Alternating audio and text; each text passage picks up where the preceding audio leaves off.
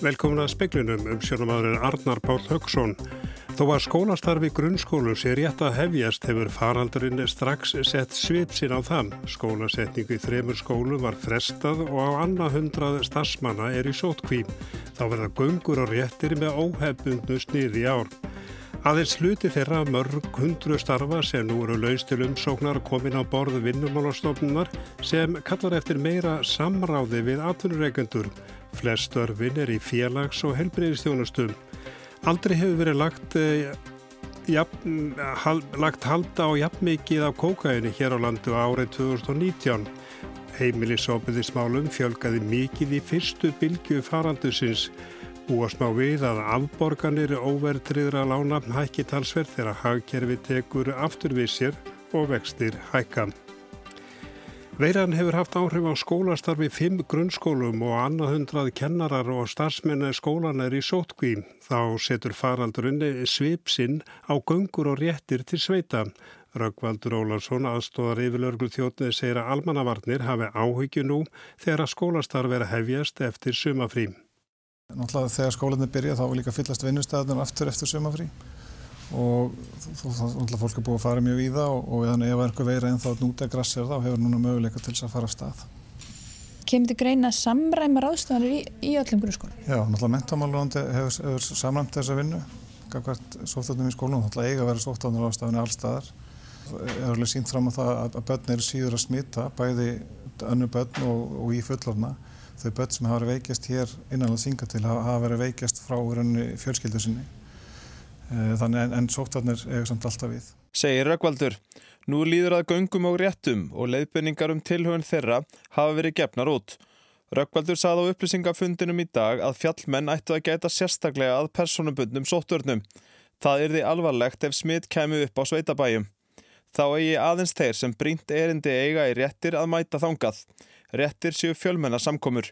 Og svona ákveðnar svona hefðir sem að týðkast þar, þar sem að fólk svona kemur saman og, og skiptist á, á að gleiða hvort annað og, og, og deila, deila kannski pela eða, eða flösku.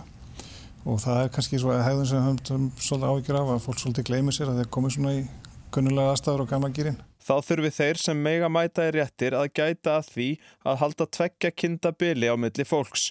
Hann segir að laurugla ætli að við hafa eftirlit með framkvæmd rétta í haust og nippa í fólk ef það gleymir sér. Bjarni Rónarsson eh, saði frá en það var Marja Sýrun Hilmarsdóttir sem talaði Raukvald Ólafsson. Mörg hundru störfur auglist til umsóknar en aðeins sluti þeirra kemur inn á borð vinnumálastofnunar sem kallar eftir því að atvinnireikundur hafi meira samráð við stofnununa og láti vita af lausum störfum Unnu Sverrisdóttir, fórstjóru vinnumálastofnunar, sér að auðvelt ætti að vera mannastörfin en þau eru aðalega í félags- og heilbriðis þjónustu. Eh, það vantar í þessum umunna gera og það vantar inn í heilbriðisgeiran og eitthvað inn í leikskólana sínist mér. Ég held að skólanir sé orðnir ágætlega settir sem er nú nýtt í nokkur ár. Atvinnuleysi mælis nú tæp 9% sangvann tölum vinnumálastofnunar. Unnu segir að ljósi þess ætti að vera auðvelt að manna flest laustörf en bendir á að ekki geti allir farið í hvaða starf sem er. Það er frekar einfalt að manna flest af þessum störfum sínist mér miðan við það hvað eru margir atvinnleysir. En málið er að fólk þannig að koma með störfin til vinnumálastofnunar og óska eftir þjónustokkar. Við erum alveg bóðin og búin hér og höfum margóft reynd að vekja aðtikla á því að hér vinna bæði vinnumælurar og starfsónamsókjafar sem er til þjónustur eða búinir. Þannig að það hefur skort á, já því séu reynilega láta vita af því að eitthvað séu störfa lausu? Það má kannski segja það vegna þess að núna erum við með 30 störf til miðlunar en hjá Reykjavíkuborg eru 60 störf þannig að við hefum gett að vilja fá þau bara strax til okkar og við erum aðstofað á við að finna fólk í þessi störf. Þetta var önnur Sveristóttir, Anna Lilja Þóristóttir, talaði við hana. Að minnstakosti einn hefur látist af völdum fellibilsins Láru sem gengur yfir Texas og Louisiana ríki bandaríkjana. Stúlka lést þeirra tre fjall á húsennar í bænum Lísvill. Lára var fjórðastegs fellibilur þegar hann kom að landi í Louisiana í nótt en um hálf miljón manna voru án ramags þegar mestu lætin gengu yfir. Heldur hefur dreyið úr vintraðanum á leiðinni við land í dag en enn er búist við að Lára geti valdið töluverðri eigðileggingu. Aldrei hefur verið lagt eh, hald á jafn mikið magna af kókainu árið 2019. Heimilis ábyldismánum fjölgaði en umfæðalaga brotum fækkaði lítið eitt. Þetta kemur fram í afbróta tölfræði fyrir árið 2019 sem Ríkislaugrustjóri gaf út í morgun. Hegningarlaga brotum fjölgaði um 3% á árinu 2019 miða við árið á undan og um 6% miða við meðaltal áruna 2016 til átján. Skjala og peningafalls voru 10% fleiri en árið á undan og 33% fleiri en meðaltal árana á undan. Eitt mandrap var framið á árinu 2019 en tvær tilraunir til mandráps og stórfælda líkamsárasir voru 97. Lagt var hald árumlega 40 kíló af kókaini sem er mun meira en verið hefur síðustu ár. Aldrei hefur verið lagt hald á jafn mikið magn hér á landi á einu ári. Þá voru gerði upptækur um 55 kíló af amfetamíni sem er einning mun meira en árin á undan. Umferðalaga brotum fækkað um 4%, þar munar mestu um færri brot sem náðust á stafrænar hraðamyndavilar en þeim fækkað um 17% milli ára. Ofbeldisbrotum fækkað í öllum flokkum nema heimilisofbeldismálum. Tilkynnt var um 87 slík mál miða við 73 árið á undan. Sankvæmt bráðabyrða tölum fyrir fyrirluta ársins 2020 hefur umferðarlaga brotum fækka tölvert mikið og telur lögreglan að faraldurinn spilir þar að stórum hluta inn í. Áfengis og fíknefnabrotum hefur einnig fækkað sem reykja má til samkomi takmarkana. Í sumar má greina mikla aukningu í heimilisofbeldismálum. 128 slík brot voru skráði í april. Þeim hefur hins vegar fækkað síðan þá. Þess ber að geta að þetta eru bráðabyrra tölur en þær gefa vísbendingar um þróun brota. Bjarni Rúnarsson saði frá. Miklu fleiri taka óvertrið lán en áður. Búast má við að áborganir þeirra muni hækka talsverð þegar hagkerfi tekur við sér. Þetta er matu húsnaðis og mannvirkjastofnunar sem segir að bankar og lánastofnanir beri ábyrð á að upplýsa lántakendur um hugsanlega hækkun. Í júli tóku Íslandingar óvertrið lán fyrir meira 45 miljardar en vertrið lán fyrir rúma 3 miljardar. Karlotta Haldórsdóttir hjá húsnaðis og mannvirkjastofnun segir að vinsældir óvertriða lána megir ekki til mikill að vaksta lækkana að undaförnu og að sumir sé að endur fjármagna vertrið lán með óvertriðum. Þá eru stýrivextir í sögulegu lámarki. Þetta er fyrsta skipti sem við erum að sjá vexti uh, svona lága eins og þeir eru í dag. Þeir hafa aldrei farið uh, svona látt, þeir eru 1% núna. Uh, þannig að það er viðbúið að þeir muni hækka eitthvað. Er ástað til að hafa áhyggjur af því að fólk muni það ekki ráða við afborganir? Já, ég myndi alveg telja að það væri ástað til þess. Árið að við erum að sjá svona mikla orðaukningu, fólks fara í óvertriðlán og, og þá gæti alveg komið upp svo staða að, að fólk lendi í greiðslarfileikum. Ef það er búið að hámarka greiðslugetuna sína miða við núverandi vexti. Karlotta segir að vissulega beri fólk sjálft ábyrða að velja lán við hæfi.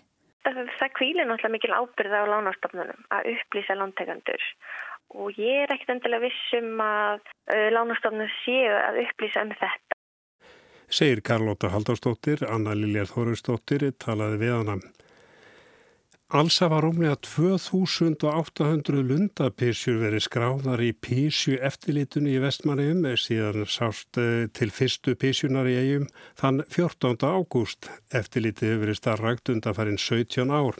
Í ár er það með breyttu sniði vegna koronaviru faraldursins og er engungu rafrænt. Gunnar Pál Elvarsson er vestmanningur og fuggla áhuga maður á 12 ári. Hann saði fréttastofu frá því hvernig písju eftirlitinu er hátað. Það fara allir hérna inn á lundi.is og fara að skrá allt sko hvar maður fann þær og hvað hann er þung og allt svona sko. Ég voru nú létt þá það fann kannski að vera með henni nokkra dag og vera að gefa henni mikið að mati sem þingist. Gunnar Pál fann einas líka í fyrradag. Og svo var, hann bara hjá okkur í nótt og, og svo kom ég að vikta hann á viktinu minni og sjá hvað hann verið þung og svo bara áðan þá bara fór ég að sleppinni. Hún flög alveg langt sko. Og ertu búin að finna margar eða? Já, ég er búin að finna kannski kringum tíu eitthvað hanni. Er ekki derfitt að finna þær? Jú, stundir það er mikið trafík í bænum. Þá getur það stundir svolítið erfitt. Áfram verður tekið á móti písjum sem þurfa sérstaka aðlýningu í afgreðslu Sea Life Trust að ægiskötu 2, svo sem litlum og dúnuðum písjum, óljublöytum eða slösuðum. Og þá valgir Árnadóttir sem talaði við Gunnar Pál Elvarsson. En Reykjanesbreyt verið loku til norðus í Hafnarfyrði í kvöld frá Ringdorgi við Lækjargötu að gatnamótu við Kaplakrika. Gatan verður malbygguð í kvöld.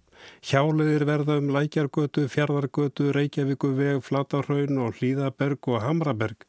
Í tilkynningu frá vegagerðinni kemur fram að áallar sé að Frankandir standi frá klukkan átti kvöld og fram til klukkan eitt í nótt. Nokkuð hörð gaggrinni kom fram á alþingi af halvu stjórnaranstöðunar þegar aðgeri stjórnvalda vegna koronaveiru faraldusins sem voru rættar í uppæðu þingfundar í dag. Tilipni var munleg skýsla sem Katrin Jakobsdóttir, forsættis er á þeirra, fluttum stöðu COVID-málan. Hún fóri við þróunna og þær aðgeri sem stjórnvald hafa greipið til til að sportna við útbreyslu veirunar. Frá upphafi faraldursins en fyrsta smitt hans greindist hér á landi þann 28. februar hefur leiðaljós stjórnvalda verið að forgangsraða heilbrigði þjóðarinnar og því hefur verið gripið til töluverðra sóttvarnaráðstafana til að hefta útbreiðslu faraldursins. Annað leiðaljós hefur verið að lágmarka samfélagsleg og efnahagsleg áhrif faraldursins bæði til skemmri og lengri tíma þannig að þau hafi sem minnst áhrif á lífsgæði almennings. Sigmundur Davíð Gunnlaugsson formaðar miðflokksins sakaði stjórnvöldum að hafa ekki ákveðin markmiði í baráttunni gegn veirunni. Á meðan markmiðið er óljóst og ekki til staðar ríkir óvissan. Og óvissan er alls ráðandi þessi missirinn þegar að fyrst er með því hvernig stjórnvöld takast á við vanda. Í rauninni er ítt undir óvissuna með því að taka eina ákvörðun einn daginn en svo ákvörðun sem gengur í alltaf átt þann næsta. Logi Einarsson formaði samfélkingarinnar gaggrindi ríkistjórnuna fyrir fát og mistök. Alvarlegast er þó líklega algjör skortur og aðgerðum fyrir fólk og heimili. Margir munu lendi erfileikum með afborgarnar lánum, leigu, kaupum og skólafatnaði, kosta börni sín í tómstundir og jafnvel sækja sér læknistjónustu. Hvort tvekja gæti reist okkur afar dýrkeft, dýfka kreppuna og aukið ójöfnuð. Haldur á Móesen þinglósformaði Pírata sagði að aðgeri ríkistjórnarinnar beindust að því að vernda núverandi hagkerfi og fyrirtæki sem hefðu náð eirum stjórnvalda. Það snúast ekki um að vernda fólkið því enginn sá sem ríkistyrkir uppsagnir getur sagst bera hag fólksins fyrir brjósti. Það snúast ekki um að bregðast við breyttum raunveruleika heldur um að halda sem fastast í allt það sem áður hefur komið. Það gaf við annan tón hjá Sigur Inga Jóhansinni formanni framsóknarflóksins sem sagði að samvinna væri grundvataradrið í baratunni gegn veirunni. Heimsfaraldurinn getur leitt til sundrungar og átaka en líkt og þegar kemur að því að ráða niðurlögum veiruna sjálfrar þá þurfum við samvinnu til að byggja upp sterkara samfélag. Framsókn mun hér eftir sem hinga til vinna að sátt um framþróun samfélagsins. Sú sátt verður ekki til með öfgum til hægri eða vinstri. Framtíðin ræðst á miðjunni. Þorgjörður Katrin Gunnarsdóttir formaðar viðreysnar sakaði ríkistjónum að hafa sofið að verðurum því samdráttur hefði verið hafinn áður en faraldurinn hófst. Við höfum síðan hort hér á ríkistjórn í algjörum varnargýr, varnar- og viðbragðsgýr. Ég er ekki að krefjast þess að ríkistjórnin hafi átt að sjá heimsfaraldurinn fyrir. Það er ekki hægt. En ef ríkisstjórnin hefði brugðist við vísbendingum okkar um kólnun í hagkerfinu af fullri alvöru þá hefði hún að kosti verið með tilbúið með vísi að einhverju plani, vísi að því að vera tilbúin í markvissar innviðafjárfestingar. Ekkert plan var tilbúið, ekki vísir á því, ekki nema kannski eitthvað plan um einhverja blaðamannafundi. Guðmundur Ingi Kristinsson og þingflóksformaðar flokks fólksins gaggrinda að atvinnleysinsbætur hefði ekki verið hækkaðar. Hvað er þá hægt að segja um þá eldri borgara og öryrkja sem verða að sætta sig við að svelta á 220.000 kr. á mánuði eftir skatt og sú upphæð skerðist núna vegna hækkunar á matvörum og öðrum nauðsynjum? Bjarni Bendiðsson, formaður Sjálfstæðisflokksins, sagði ekki óverlegt að skoðanir væru skiptar. Og ég verð að segja að uh, mér finnst vera lítill uh, efnislegu grundvöllur undir þeirri gagnrýni sem hér heyrist að ríkisstjórnin skuli eh, ítrekað koma með framlengingar á einstökum aðgerðum eða kynna til sögunnar ný úrræði vegna þess að það er eiginlega nákvæmlega það sem við þurfum að geta gert, brugðist við aðstæðum og komið með tillögur sem tala inn í ástandið eins og það þróast frá einum tíma til annars. Að þessu leytinu til held ég að okkur hafi tekist vel til með okkar fyrstu aðgerðir En við erum dálítið stödd í þeirri óþægilegu stöðu að uh, engin ein ákvörðun mun leysa þann vanda sem við okkur blasir, heldur mun vinnan einfallega halda áfram.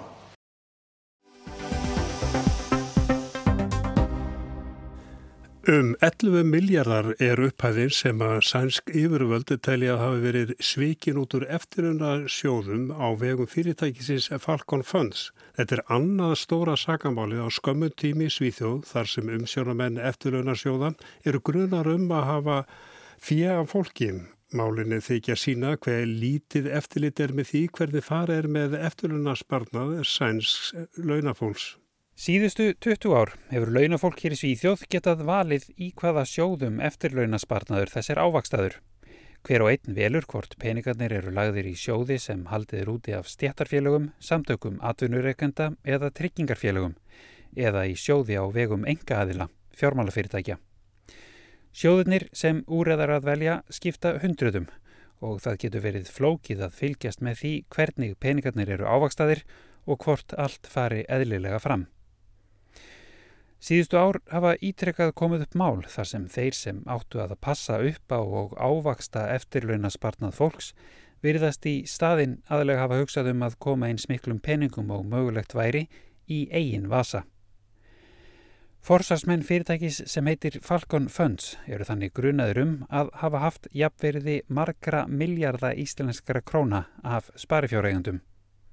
Í síðustu viku hófust á ný réttarhöldi yfir forsvarsmönnum fyrirtækisins en þeir voru í vor dæmdir í margra ára fangelsi í fyrsta hluta sagamálsins.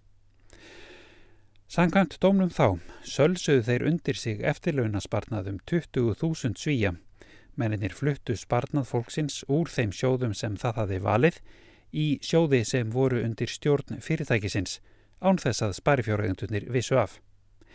Því næst nótuðu þeir spari fjöð til að kaupa rustl eins og þeir orðuðu það sjálfur í tölvupóstum. Þeir keiftu sem sagt verð lítil verðbref á allt of háu verði af sjálfum sér og stungu gróðanum í eigin vasa. Með þessu móti náðu þeir að hafa jafnverði um þryggja og háls miljardar af sparifjárregandunum. Sankant ágæru í öðrum hlutamálsins sem nú verið að rétta í voru peningarnir svo fluttir áfram frá Svíþjóð til Möldu og þar haldið áfram með vafasum viðskipti. Saksóknari segir að þau hafi kostað eigundur fjársins um 7,5 miljard til viðbótar, peninga sem meðal annars fóru í að fjármagna luxuslíf forsvarsmanna fyrirtækisins. En þetta er ekkert einstæmi. Í februar fjall dómur í öðru eftirlaunasjóðsneiksli, Alra málinu. Líkt og eigundur Falcon Funds lifðu stopnendur Alra luxuslífi. Aðalegandin átti eina þrjá porspíla og bjó í dýrasta einbillishúsi Svíþjóðar. Kvartanir höfðu þó lengi borist frá fólki vegna ágengrar markaðsetningar fyrirtækisins. Símasölumenn ringdu í fólk og reyndu að fá það til að leggja fjö í sjóði Alra og það gerðu um 130.000 manns. Árið 2017 var eins er lokað fyrir nýjar innlagnir. Fjölmarkar kvartanir höfðu þá borist frá þeim sem átt þar spari fjö og því lokuðu yfirvöld sjóðunum skum áður en málið var svo tilkynnt til lauruglu. Þegar allramálið kom fyrir dómi í februar á þessu ári voru forsvarsmenn fyrirtækisins sagaður um gróf umbóðsvik og brot gegn lögum um mútugreislur. Saksóknari held í fram að allra hafi keift verðbref á óæðrilegu verði gegnum millilið, millilið sem forsvarsmenn fyrirtækisins stýrðu. Viðskiptin voru þannig að milliliðurinn keifti verðbref fyrir 260 miljónir sænskra króna og seldi síðan til allra fyrir miklu hærri upphæð 430 miljónir.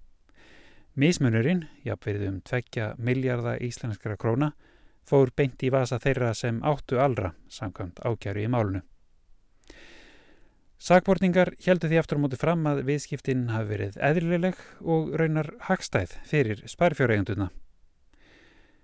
Saksóknari krafðist 7 ára fangelsis en hér aðs domstóli í Stokkólmi hvað upp síknudóm ekki hafi verið sínt fram á að verðið í viðskiptunum hafi verið óeðlilegt. Síknudómurinn kom fréttaskýrindum hér í Svíþjóð mjög á óvart og raunar einnig yfirvöldum.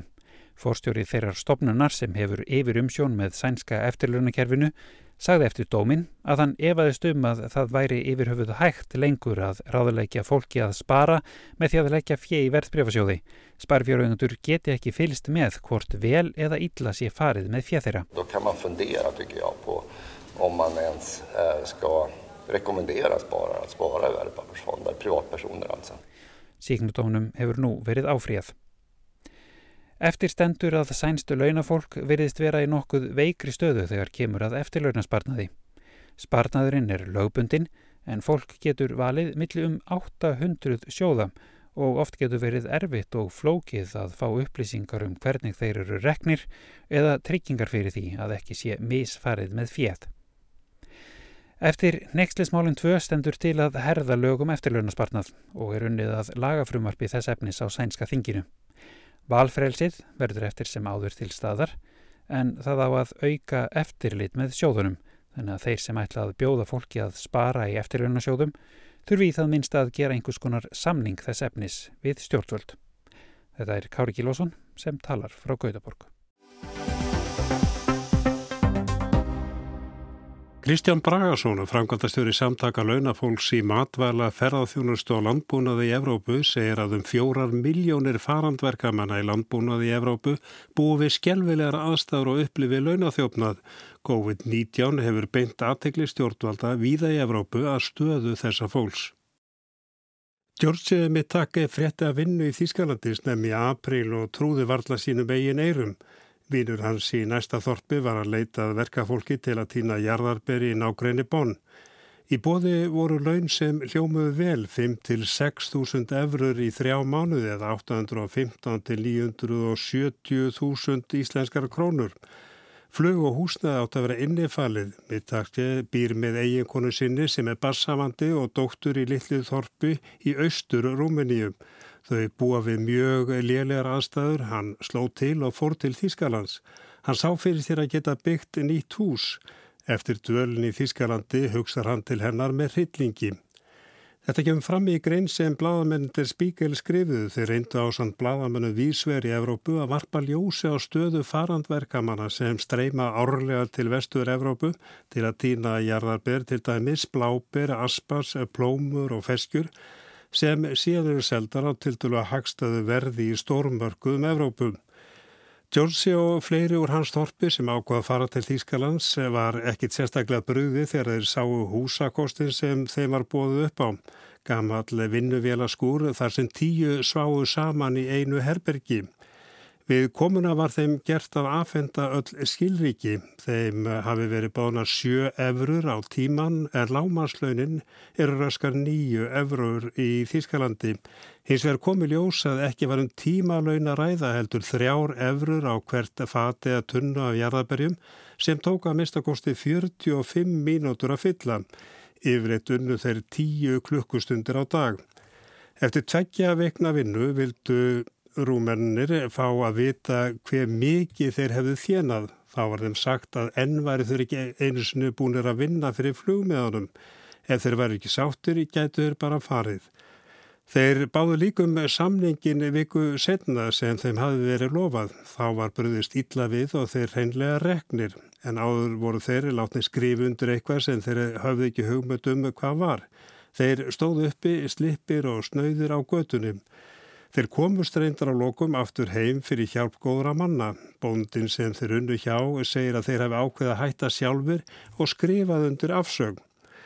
Kristján Bragarsson er framkvæmdastjóri EFAT eh, sem eru heildarsamtök verkalýsfélaga launafólks í matvæla, landbúnaðar og ferðarþjónustu geranum í Evrópu. Hann segir að mál Djórsi sé eitt af fjölmörgum öðrum sem berist í samtakana sem eru með aðsetur í Brussel. Eh, fáum slík verkefni og sagt, mál inn á bort til okkar daglega. Við mörg á dag meiri segja. Eh, Þískaland eh, er mikið umræðinu þessa dagana en, en, en slík málefni koma einnig inn frá okkur í Fraklandi, Spáni, Norðurlöndunum, Belgíu og Hollandi. Íll meðferð farandverkafólks sem flikkist til Vestur-Európu vísvegar aður heiminum er ekki nýtt vandamál. Kristján segir þessi mál hafa lengi verið á borði samtakana. Hins vegar hefur COVID-19 uh, í rauninu opnað augu uh, stjórnmálamanna uh, á þessu vandamáli og fjölmila en við höfum verið að reyna að benda þessum aðalum á þetta vandamáli í, í langan tíma. Já, hvers vegna já, var bara COVID-19 ljósi á aðstæður þeirra? Það má segja að vegna þess að það kom upp ákveðin skortur á starfsfólki í byrjun faraldsins vegna takkmarkana á ferðarfrelsi sem gerði það verkum að, bændur vísjöður Evropu voru að óska eftir því að fá heimildir til þess að flytja einn starfsfólk á, á sama tíma og var verið að loka landamærum og þá fóru stjórnmánum að spurja Hvernig er uh, þessum málum háttað hjá ykkur? Uh, hver er, hvernig tryggiði öryggi og, og hilbriði þessara starfsmanna? Og þá fóru fjölmjölar að velta sér upp úr þessu líka og við höfum síðan verið mjög duglegir ásand okkar aldarfjölum að benda á vandamálinn sem þessu fylgja. 58 miljardar evra eða 9500 miljardar íslenskara krónar renna til landbúnaðarins í ESB-löndunum í formi styrkja og niðugreisla. Í skilmálum eða samningum um þessar greislur er ekkert að finna eða engin ákvæðum ásteðabundið verkafólk hvernig að vernda þennan hóp og koma í veg fyrir þar sem margir kalla nútíma þrælahald. Kristján segir að samtökin hafi bent á þetta. Hann segir að í skilmálum sé að finna skiliri til dæmis fyrir dýravend, ungverðisvend og fleira. En þegar kemur að uh, hvernig uh, bændur sem að fá þessa styrki uh, höndla sína starfsmenn að þá er engin uh, skilirði sett fyrir þessum greiðslum. Við hjá EFAM höfum verið að gera mjög uh, stífar kröfur á það, gagvart Európa-sambandinu, um að engir bændur eða fyrirtæki sem að brjóta á starfsfólki sínu fái e, þessa styrki eða þá að þessi styrki verið þá takmarkaðir e, og mingaðir til þeirra sem að brjóta af sér. Frankværtastjórn ESB gaf út leiðbynningar í sumarum stöðu farandverkafólks. Það ætti að fá laun sangvan tökstum og ekki væri heimilt að mismuna þessum hópum eftir því hvað þeir koma. Við teljum að þarna hafi verið skrifið ákveðið uh, skref til þess að bæta kjör faradalkafólks en því miður þá vandar mikið upp á að, að, að, að það verði gert á, á lagalega bindandi hátt. En hefur Kristján hugmyndum uh, hvað þetta eru margir farandverkamenn sem starfa árlega í landbúnaði og brotið er á? Við teljum þetta séum fjórar miljónir uh, farandverkamenn á ársgrunni sem eru að búa við eh, skelvelað aðstæðar, eh, annars vegar húsnæðismál, eh, launamál og engi réttindi. Fólk sem upplifir launathjófnað svarta atvinnustarfsemi og ólöflög störf. En sérðu fyrir að, að þetta ástand batni? Við erum uh, vongóður um að uh, stjórnmálamenn séu að uh, að hlusta á uh, þessar rattir sem hafa verið mjög háarar síðustu vikur og mánuði og uh, á næstu missurum munum sjá meðal annars í stóra landbúnaðapakka Európa-sambansins að það verði gerðar sagt, bætur í því sem munum taka til, til, til þess að styrkja stöðu verkafólksum. Þetta var Kristján Bragason og við sögðum frá því í speiklunum í kvöld að þó að skólastarfi grunnskólum sé rétt að hefjast hefur faraldurinn strax sett svip sín á þann. Skólasetningu í þremur skólum var frestað og annað hundra stafsmanna er í sótkvím. Þá verða gungur og réttir til sveita með óhefbundnu sniði ár. Aðeins hluti þeirra mörg hundru starfa sem úr að laus til umsóknar komin á borð vinnumálastofnunar sem að kallar eftir meira samráði við atvinnurengundur. Flest örfinn er í félags- og helbreyðistjónustum. Aldrei hefur verið lagt hald á jafn mikið á kókaini hér á landi og árið 2019. Þetta sínir afbróta tölfræði frá ríkislauglustjóra. Heimilisofbyrðismálum fjölgaði mikið í fyrstu bylgu koronaviru faraldusins og búa smá við að áborgarir óverðtrir að lána hækki talsverð þegar hagkerfi tekur aftur við sér og vextir hækka. En það er ekki fleira í speklum kvöld, tæknumar var Martin Martinsson, veriði sæl.